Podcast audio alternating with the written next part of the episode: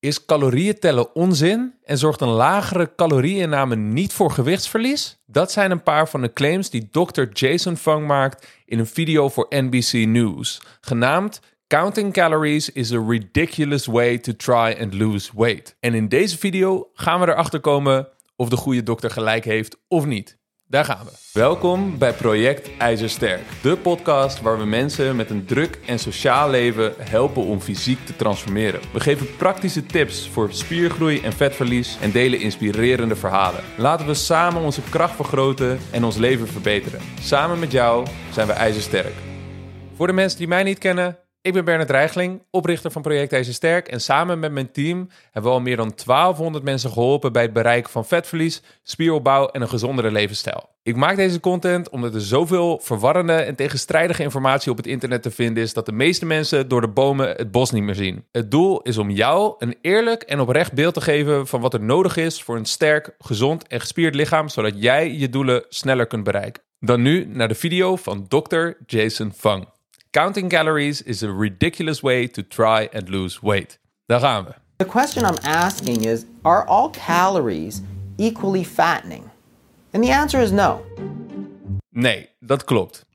Hij refereert hier namelijk naar de thermic effect of food. Dat is de hoeveelheid energie, de hoeveelheid calorieën die je nodig hebt om een product te verteren. En dit verschilt tussen verschillende macronutriënten en producten. Over het algemeen zit jouw thermic effect of food ergens tussen de 10 en de 25 procent. Als jij een, dieet vooral fast foods en zwaar bewerkte, bewerkte producten eet, uh, dan zit je waarschijnlijk rond die 10 procent. Uh, eet je meer whole foods, meer eiwitrijk, zit je meer richting die 25 procent. Um, dus productkeuze is natuurlijk wel een belangrijke factor bij het vormgeven van een ideaal dieet voor vetverlies. Maar dat betekent niet dat de regels van de caloriebalans worden overtroffen. Het betekent simpelweg dat je verbranding lager is als je een ander soort productkeuze kiest. Maar dat neemt niet weg dat als je in een calorietekort zit, dus minder calorieën eet dan dat je verbrandt, dat je gewoon afvalt. A calorie of brownies is not the same as a calorie of kale. It's just not. That's just common sense. But yet we try to pretend that they're the same. Oké, okay, um, de calorieën in een brownie zijn wel hetzelfde als de calorieën in um, keel. Dus dat is, wat is dat, uh, boerenkool. Um, dat, een calorie is gewoon een maateenheid. Het is alsof je zegt dat de ene kilometer de andere kilometer niet is. Een kilometer is altijd duizend meter. Dat is altijd hetzelfde. Het is altijd een maateenheid. Dat betekent niet dat die producten niet ander soort voedingsstoffen met zich meedragen. Of bijvoorbeeld een andere thermic effect of food hebben. Maar een calorie is een calorie. So, if it's not about calories, it's really about our hormonal response to those calories, which is completely different depending on the different foods that we eat, but it depends on a lot of different things. Dus hij zegt dat het niet om calorieën gaat, maar om hormonen. En ja, een beetje. Een beetje. De producten die we eten hebben een invloed op onze hormoonbalans. Uh, de acute invloed die er is, is niet zo gigantisch dat je verbranding opeens veel hoger of veel lager wordt wanneer je bepaalde producten eet. Dat zou heel gek zijn. Dan eet je iets en dan begin je opeens te stomen en te zweten omdat je lichaam zo hard aan het verbranden is. Uh, dus ja, technisch waar, die hormoonbalans heeft invloed op de uh, verbranding, maar dat ontkracht nog steeds de caloriebalans of het tellen van je calorieinname en je verbranding niet. Uh, als je minder calorieën eet dan je verbrandt, val je af. Calories is a very simple measure, and that's really what is appealing about it because not only does it tie together all different foods. Ja, het is een simpel perspectief en ik zou juist zeggen dat dat de kracht is van de caloriebalans.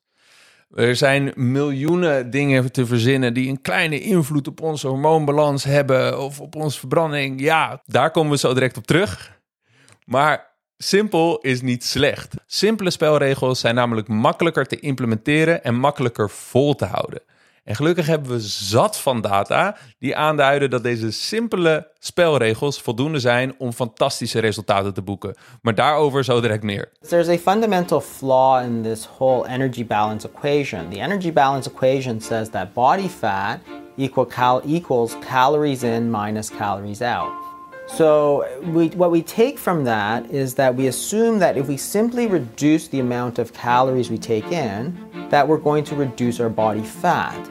But that's not actually true. That's not actually what the equation says. Daar misrepresenteert hij eigenlijk de energiebalansformule. Um, want hij zegt body fat equals calories in en calories out. En dat klopt niet. Het is uh, de verandering in je lichaamsmassa, dus de energiebalans, is je inname minus je verbranding.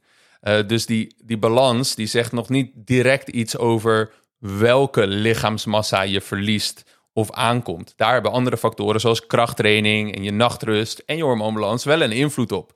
Dus de energiebalans is de verhouding tussen de calorieinname minus de calorieverbranding. Ja, dat klopt. Dus deze representatie klopt al niet, maar we zullen zo zien waarom hij dat op deze manier uitlegt.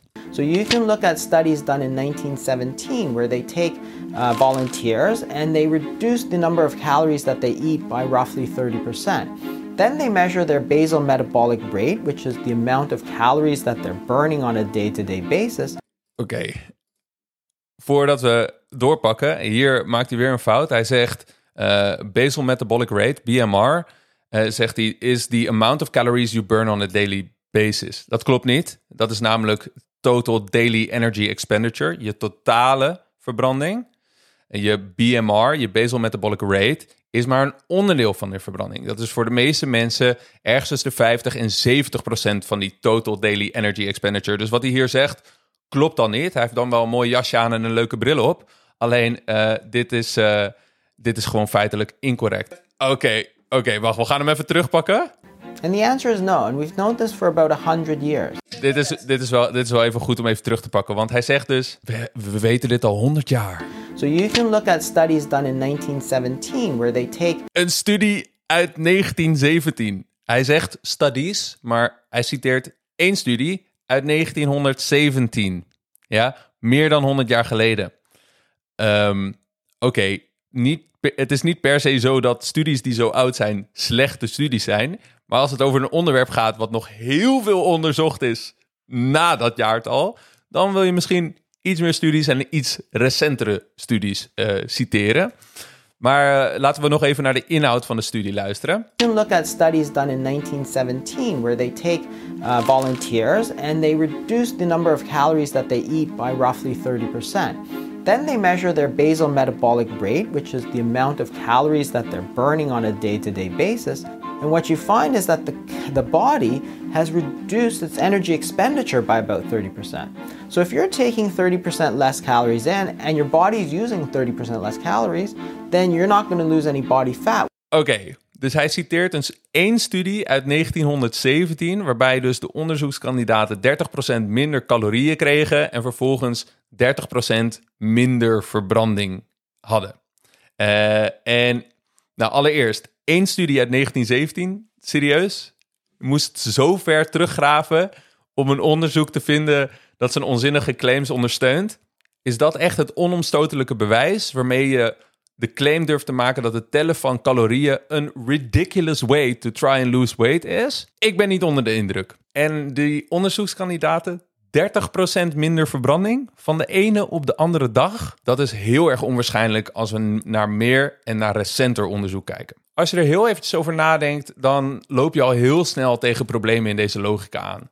Als onze verbranding één op één zou verminderen met onze calorieinname, dan kunnen we dus één niet verhongeren. Ik hoef geen bewijs aan te leveren dat we weten dat dat wel kan.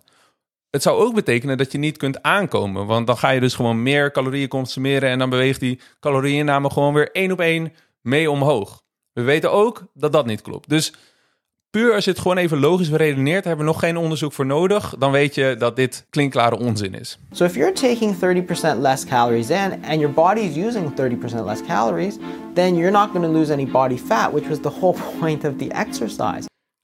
Uh, ja, het is waar dat je minder gaat verbranden als je minder calorieën binnenkrijgt. Dat heeft verschillende componenten en daar lopen we even rustig doorheen. Nou, zoals ik net al zei, heeft je total daily energy expenditure, je totale calorieverbranding op een dag, verschillende componenten. Je BMR, basal metabolic rate, is 50 tot 70 procent daarvan. Dan hebben we nog de need non-exercise activity thermogenesis. Dat is de hoeveelheid calorieën die je verbrandt met alle beweging. Dus bewegen hier op mijn stoel, wat geen gericht sport is.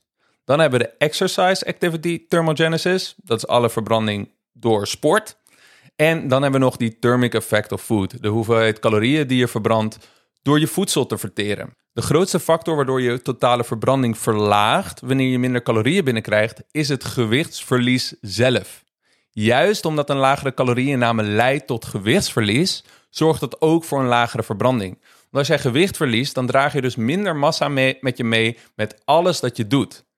En dus verbrand je minder gedurende de hele dag. Dat is een significant effect. Dat kan een grote invloed hebben op je metabolisme. Dat gebeurt dus niet van de ene op de andere dag. Dat gebeurt geleidelijk omdat je geleidelijk gewicht verliest. En het gebeurt juist omdat een calorietekort, omdat een lagere calorieinname zo effectief is voor gewichtsverlies. De tweede factor is een verlaging van je non-exercise activity thermogenesis. Omdat je lichaam in een calorietekort zit, gaat het energie besparen. Dus het kan zijn dat je minder bewegelijk wordt. Misschien zit je normaal een beetje te tikken met je voeten in, eh, zoals ik hier op die stoel zit te dansen.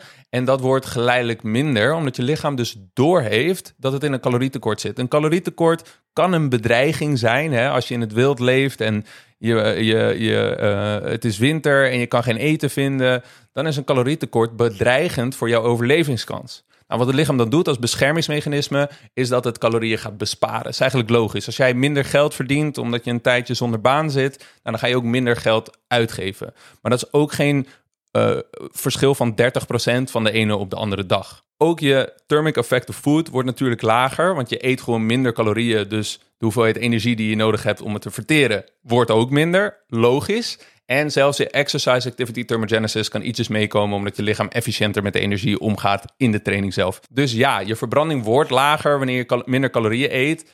Maar nee, dat is niet zo'n groot verschil. En dat betekent niet dat de caloriebalans niet werkt. Een calorietekort, minder calorieën eten dan je verbrandt, leidt tot gewichtsverlies. Gewichtsverlies leidt tot een lagere verbranding. Het betekent eigenlijk simpelweg dat als je bijvoorbeeld 500 calorieën minder gaat eten, dat je niet exact een calorietekort van 500 calorieën creëert. Want je gaat ook iets minder verbranden. Dus misschien verbrand je 100 calorieën minder, heb je nog steeds een calorietekort van 400 calorieën per dag en val je nog steeds af. En iedereen die de caloriebalans begrijpt, begrijpt dus dat ook die verbranding een belangrijke factor is van de caloriebalans. Dus als jij minder gaat eten, maar je gaat ook minder bewegen, je stopt met sporten en je gaat alleen nog maar op de bank zitten en met de auto naar je werk in plaats van met de fiets, ja, natuurlijk ga je dan minder gewicht verliezen.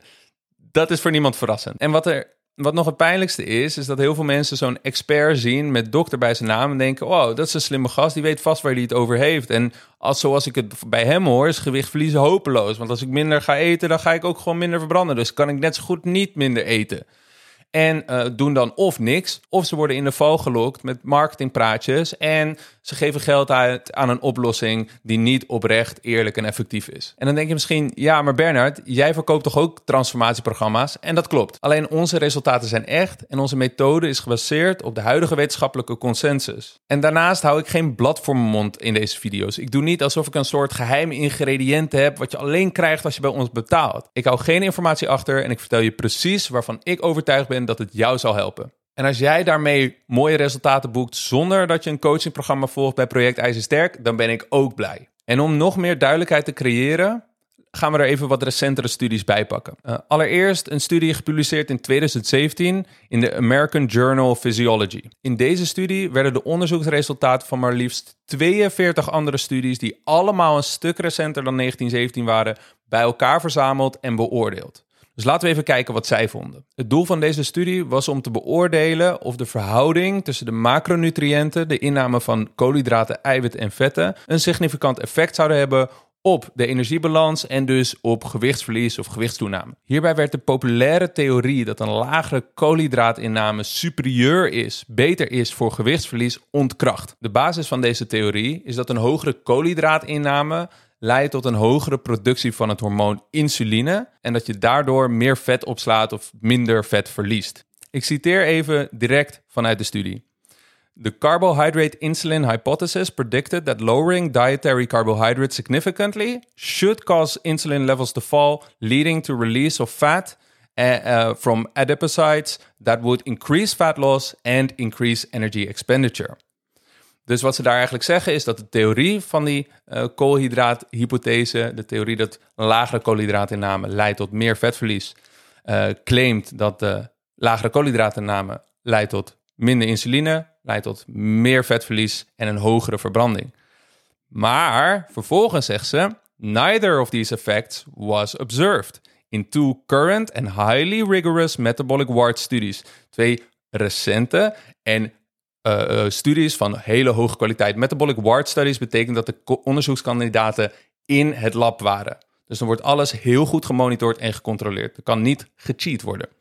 En um, vervolgens zegt ze: Weight gain or loss is not primarily determined by varying proportions of carbohydrate and fat in the diet, but instead by the number of calories ingested. Dus until high quality metabolic ward primary data become available indicating otherwise, a calorie is still a calorie. Daarmee sluiten ze af. Wat ze in dit laatste stuk zeggen is dat de verhouding tussen de koolhydraten en vetten geen belangrijke voorspeller was voor de mate van gewichtsverlies of toename. Wat vooral een belangrijke voorspeller was, was de totale calorieinname. En ze eindigen met de stelling: een calorie is nog steeds een calorie, tenzij er supergoed bewijs komt dat dat niet zo is. En dan hebben we het dus niet over een studie uit 1917, dokter. Dan een studie uit 2009 door de Harvard School of Public Health. De titel is Diets that reduce calories lead to weight loss. Regardless of carbohydrate, protein or fat content. Dus de titel is letterlijk diëten die een lagere calorieinname bevatten, leiden tot gewichtsverlies. Ongeacht de koolhydraat, eiwit of vetinhoud van het dieet. En in deze studie werden maar liefst 811 mensen gevolgd over een periode van twee jaar. Ze werden verdeeld in vier groepen die allemaal een andere verhouding tussen koolhydraten, vetten en eiwitten kregen. Dus de ene groep hoog vet, de andere hoog eiwit, de andere hoog koolhydraat. En wat gevonden werd is precies wat de titel zegt. The results showed that regardless of diet, weight loss and reduction in waist circumference, de vermindering van de tailleomtrek, were similar. En ik weet eerlijk gezegd vrij zeker dat onze goede dokter niet daadwerkelijk overtuigd is dat een 30% lagere calorieënname ook leidt tot een 30% lagere verbranding. Hij is een slimme gast en zijn praatje is mooi in elkaar gezet. Elke wetenschappelijk onderlegde fitnessprofessional prikt hier doorheen. Het probleem is dat er heel veel mensen rondlopen die er niet doorheen prikken. Die er niet genoeg van weten om te zien dat het onzin is. Heel veel mensen zullen hier naar kijken en denken: die gast weet waar hij het over heeft. Laat ik hem mijn geld geven. Of zoals ik net al zei, laat maar zitten dat gewichtsverlies, want het is hopeloos. Hij promoot overigens vasten en een lage koolhydraatinname als onderdelen van zijn magische gewichtsverliesmethode. En hoewel er voor sommige mensen voordelen aan het vasten kunnen zitten en andere mensen dit een heel fijne, fijn eetpatroon vinden, is er niks magisch aan. Het grootste onderzoek dat ooit gedaan is naar mensen met overgewicht die succesvol